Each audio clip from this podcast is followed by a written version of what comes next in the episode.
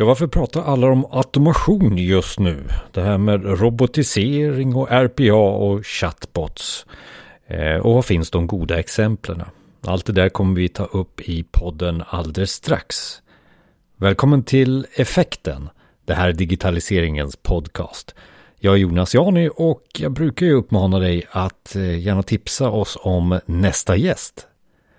Maila oss på info effekten.se för ett namn eller en tanke om ett nytt ämne. Info effekten.se och digitaliseringens podcast finns också som radio, livestream 24 timmar om dygnet med våra bästa avsnitt och eh, podcast som just handlar om att digitalisera och det här med digitalt. Vi finns där på effekten.se radio. Nu då, Erik Wallgren, Enterprise-arkitekt på Region Västerbotten, men i det här sammanhanget också produktägare till då den intelligenta automationen. Vad är det för någonting? det låter som att vi kan ge dig några goda exempel i det här avsnittet. Ett avsnitt inspelat i februari 2021.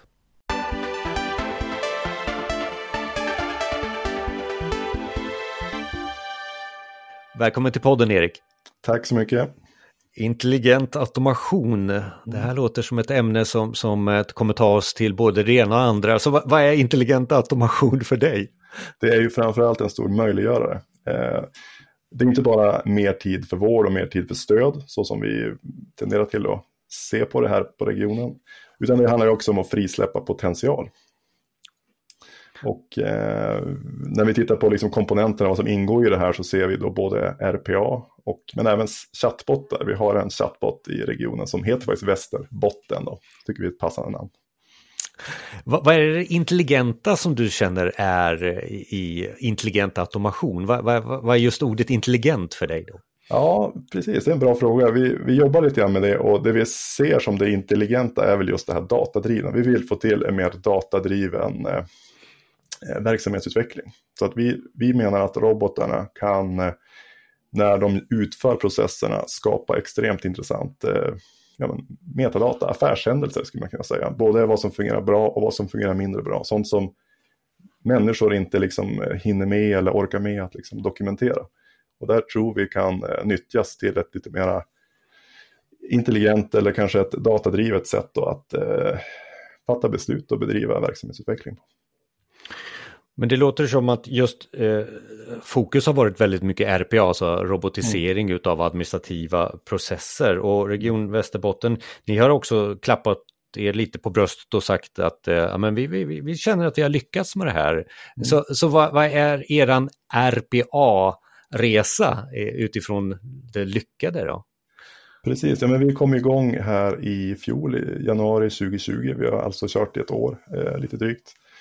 Och vi har, vi har liksom visat på bra siffror rent eh, mätmässigt. Vi, vi mäter ju våra automationer på indikatorer, till exempel tid som robotarna gör som tidigare utfördes av människor. Då. Och målsättningen där har ju varit att på årsbasis ligga på 40 000 timmar. Det tycker vi är ett bra mål. Vi är inte där än, men eh, vi ligger idag på ungefär 2 000 timmar per månad. Då. Så vi behöver dubblera det, så vi är väl halvvägs kan man säga. Och, eh, ja, nej, men vi ser att vi kan eh, på kort sikt eh, skapa en affär där, där robotar och, eh, utför den, de här arbetsuppgifterna. Men sen ser vi också att kvaliteten på data blir bättre. Eh, med alla kringeffekter det får också om man tittar lite mer indirekta nyttor och så. Och vi ska, skapar ju också detaljerade processbeskrivningar och, och så över ex, exakt hur, hur arbetet bedrivs och så. Men, men, men, men, varför har inte det här hänt tidigare? Alltså vad är det som har hänt nu som gör att ni har lyckats med automatisering? Är det bara ett initiativ som händer eller är det tekniken som är mogen eller har, har människorna i verksamheten eh, förstått att ja, men det går att robotisera väldigt mycket. Va? Vad skulle du säga? Ja, det där är en svår fråga. Jag funderar på det själv mycket också, varför inte det här har skett tidigare. Men jag tror att det är väl en kombination av allt det där. Eh, jag har sett att de här mjukvarorna, de här RPA-mjukvarorna eh, har ju blivit bättre eh, sista åren här. Så jag tror att det är en ganska viktig del. Sen tror jag det handlar väldigt mycket om att vi är mer redo för det här nu och processerna är tillräckligt. Det har blivit så mycket digitalisering. Vi har skapat ganska mycket repetitiva arbetsuppgifter. Det är väl någonting som man kan se på tid. Det är väldigt många, många eh, liksom medarbetare som idag sitter med väldigt mycket administration, repetitivt, okomplicerat arbete som faktiskt lämpar sig väldigt bra för robotar. Men eh, vän av ordning från en IT-avdelning säger men det här måste vi lösa med nya system och det ska vara mm. integration mellan systemen och så här. Vad du kommer att säga här Erik är att vi ska använda silvertejp. Mm. Ja men exakt, och det, som arkitekt eh, så tänker man ju själv så ibland också måste jag säga. Så det, det, är ganska bra att få de här perspektiven att mötas för det handlar väldigt mycket om kortsiktig nytta. Och så som jag ser det så kan vi bygga modeller där vi kan kortsiktigt eh, räkna hem insatser så hindrar inte det långsiktiga initiativ. Jag tror snarare att det till och med förenklar de här långsiktiga stora insatserna som kräver ganska mycket koll på våra processer, hur det fungerar, vad som fungerar, vad som inte fungerar och så vidare. Så att jag tror att det, jag vill tro att det, det, det går att komplettera de där två perspektiven. Och kortsiktigt, kortsiktigt och hållbart, det är liksom ett, en sägning som, som jag gärna vill få till, för jag tror att det finns eh, potential där. Nu har vi generaliserat lite när vi förklarar, men om du skulle zooma in på vad ni har gjort då, för det är ju lite nyfiken, liksom så här, vad, vad, vad, är det de har gjort som är så bra då, eh, som verksamheten har stått och, och hurrat? Eh. Ja, det, det, det, var en resa helt klart. Vi har ungefär 20, ett 20-tal automationer i, i, bruk idag. Vi skapar ungefär en ny i veckan i eh, den takt vi jobbar i nu. Då.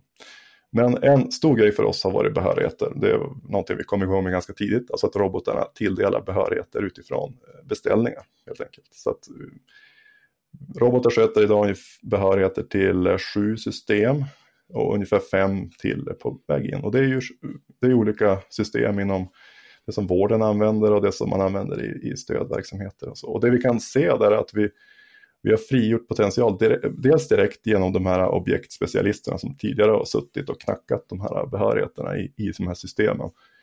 Som ju kan jobba mer med kom, mer komplicerade arbetsuppgifter, komplexa arbetsuppgifter som är jätteviktiga för de sitter inne med en sån eh, fantastisk kompetens som verkligen behövs. Men sen har vi också sett att eh, när robotarna utför de här arbetsuppgifterna så går det också betydligt snabbare. Eh, de kan jobba på kvällar och eh, helger och så. Så det gör ju också att det blir ju en frigjord potential också ute i till exempel i vården där en läkare kan komma åt de här systemen kanske på söndag kväll istället för måndag eftermiddag som det fungerade tidigare. till exempel. Så bättre kvalitet, bättre data och bättre SLA och uppfyllnad mot våra, våra krav helt enkelt.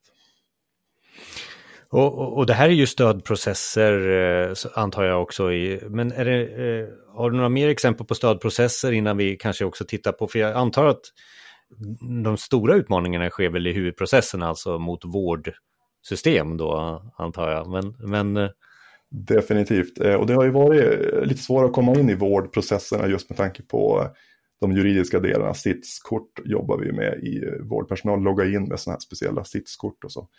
Men eh, till exempel nu så har vi en väldigt stor automation som vi jobbar med kring vaccinationsregistreringen nu i covid-tiderna. Det är ju liksom hundratusentals doser i vår region som ska administreras i systemen och där har vi en robot på gång. Vi ska testa den första gången nästa vecka så att jag är väldigt spännande, spänd inför det. Det blir kul att se.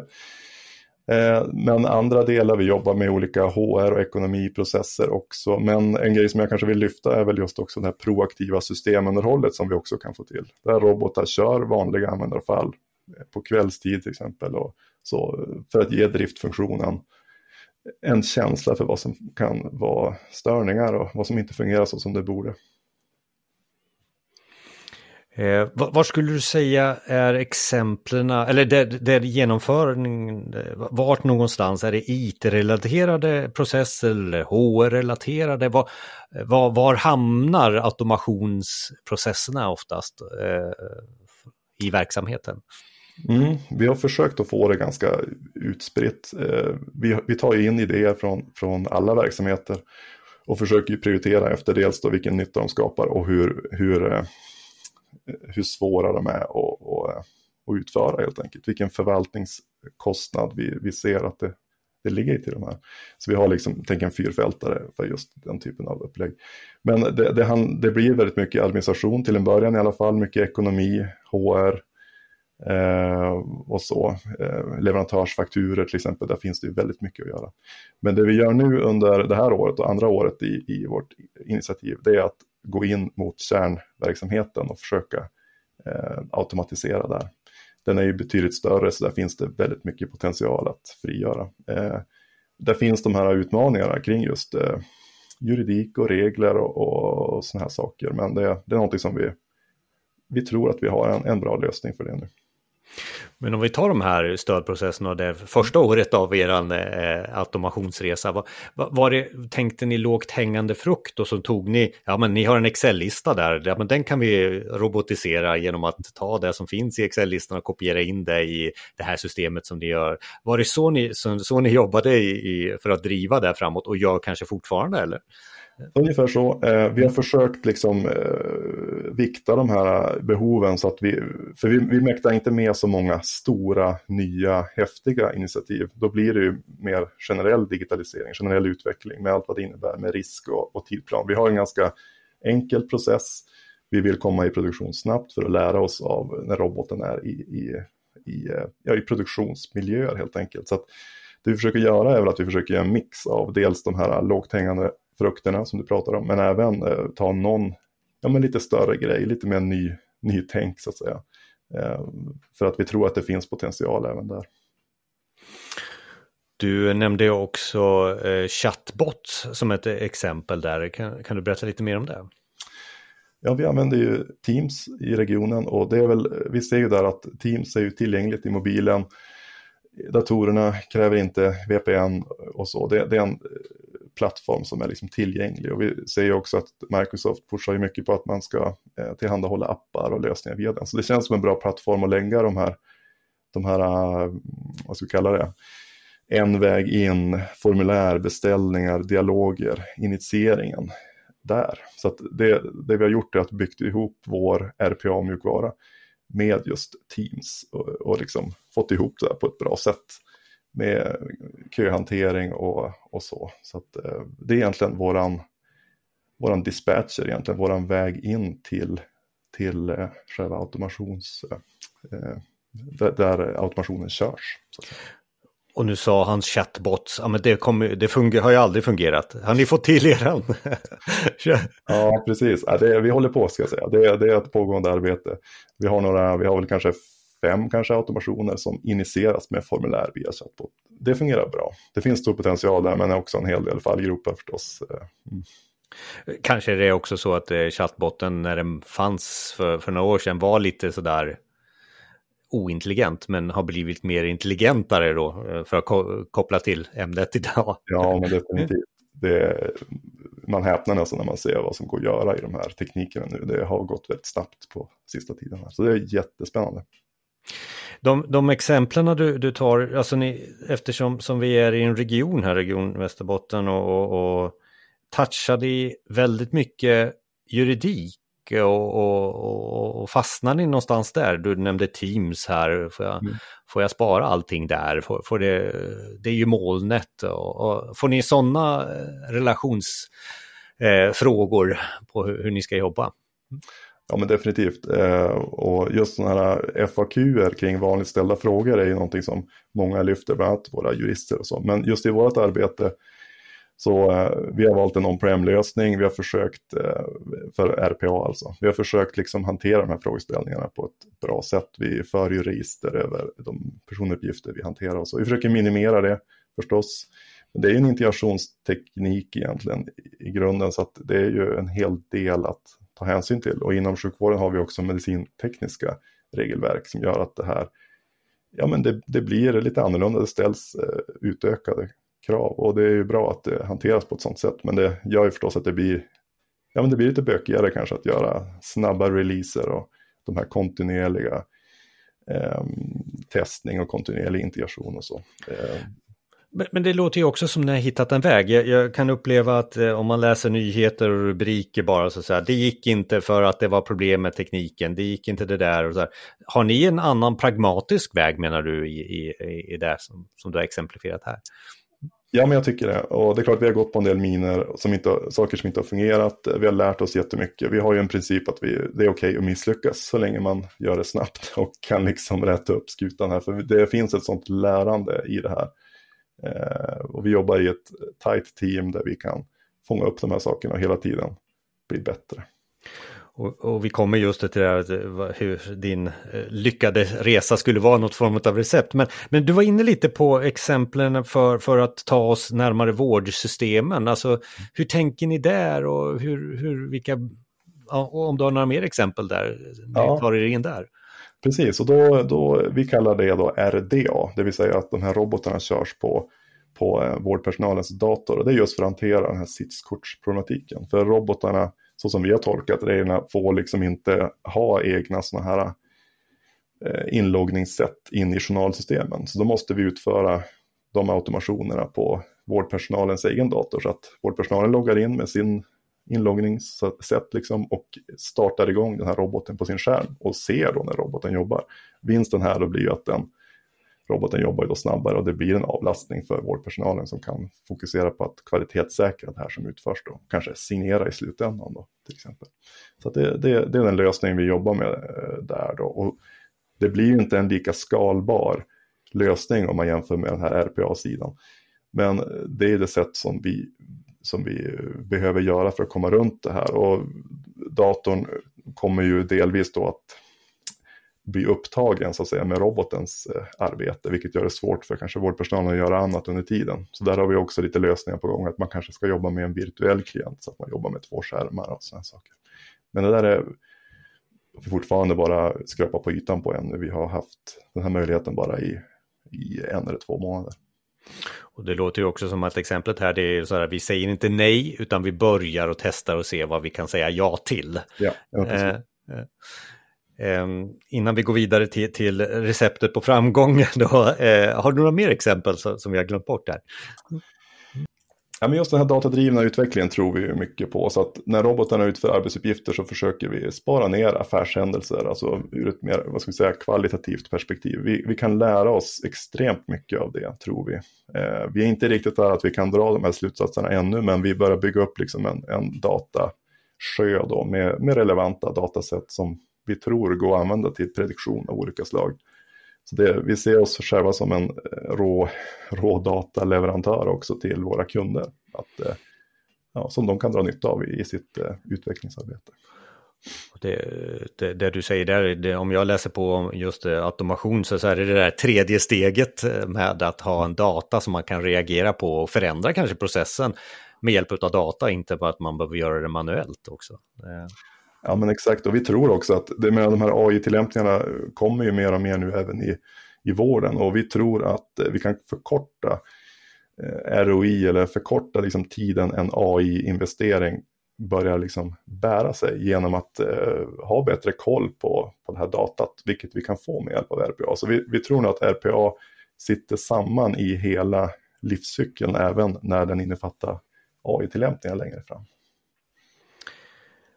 Ni har gjort en resa, ni var inne på år två som du sa och ni har samlat på er erfarenheter om hur man skulle kunna eh, utföra en sån här eh, resa med intelligent automation. Kan du delge lite tips och, och, idéer på tänk så här? Ja, men att hålla det enkelt är ju det absolut eh, bästa såklart. Vi har egentligen bara två processer. Vi jobbar lite DevOps eh, eh upplägg. En för utveckling som egentligen bara syftar till att få den här automationen så snabbt som möjligt i produktion. För det är just där man börjar lära sig. Så vi försöker bygga någon typ av happy path, kallas det i RPA-sammanhang.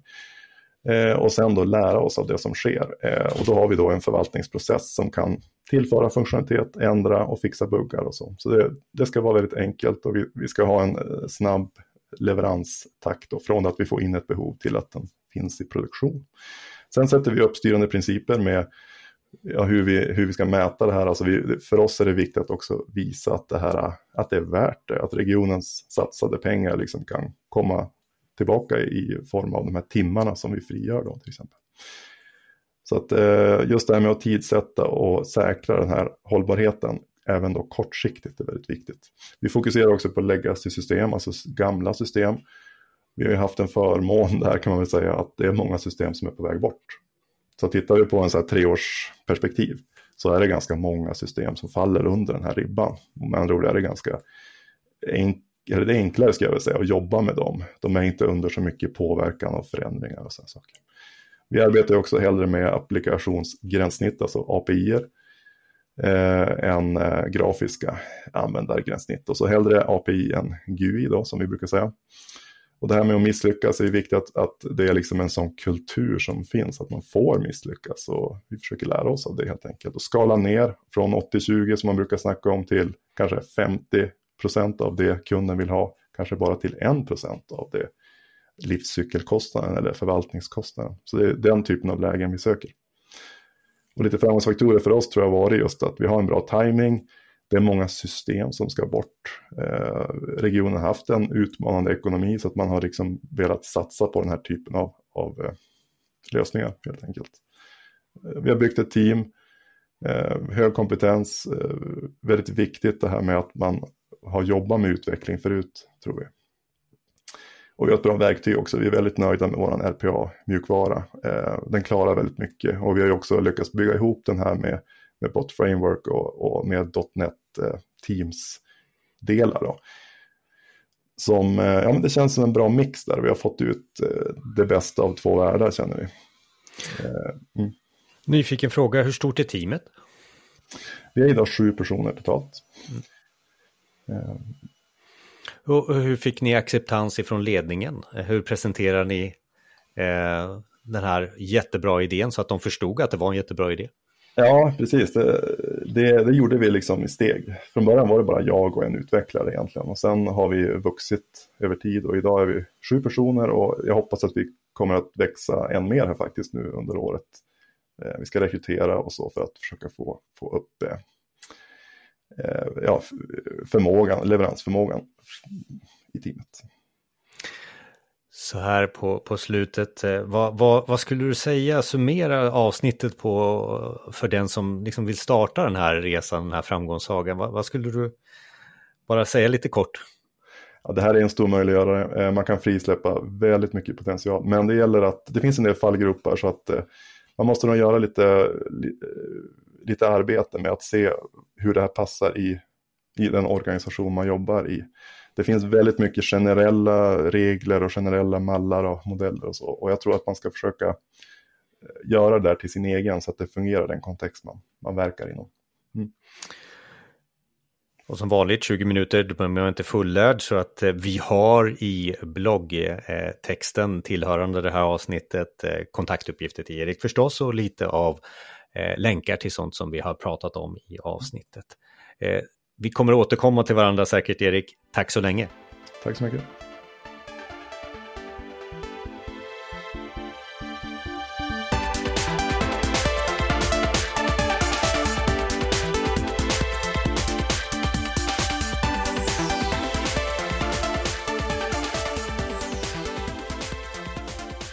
Och Erik Wallgrens kontaktuppgifter direkt just nu i din podcastspelare. Ta upp spelaren där och titta igenom texten så finns det lite längre ner. Men det finns också på effekten.se där tillsammans då med alla andra avsnitt utav digitaliseringens podcast. Det här var avsnitt 152. Och starta gärna en prenumeration av podden, gärna via Apple Podcast, för då kan du samtidigt ge oss eh, toppbetyg där, för det indikerar att du gillar det här ämnet och att vi kan fortsätta att eh, motivera dig och oss att hitta nya ämnen inom digitaliseringen. Eh, det handlar om att vi har samlat avsnitt som ger dig en styrka att kunna digitalisera med hjälp av goda exempel och kanske också någon form av lista på kanske hur du ska börja eller hur du ska tänka när du ska lyckas med ämnet. Vi som gör den här podden heter Jonas Jani och Micke Nobäck. Och oss kan du kontakta via LinkedIn eller e-postadressen info effekten.se. Och så till nästa gång så får du ha det så bra. Vi hörs!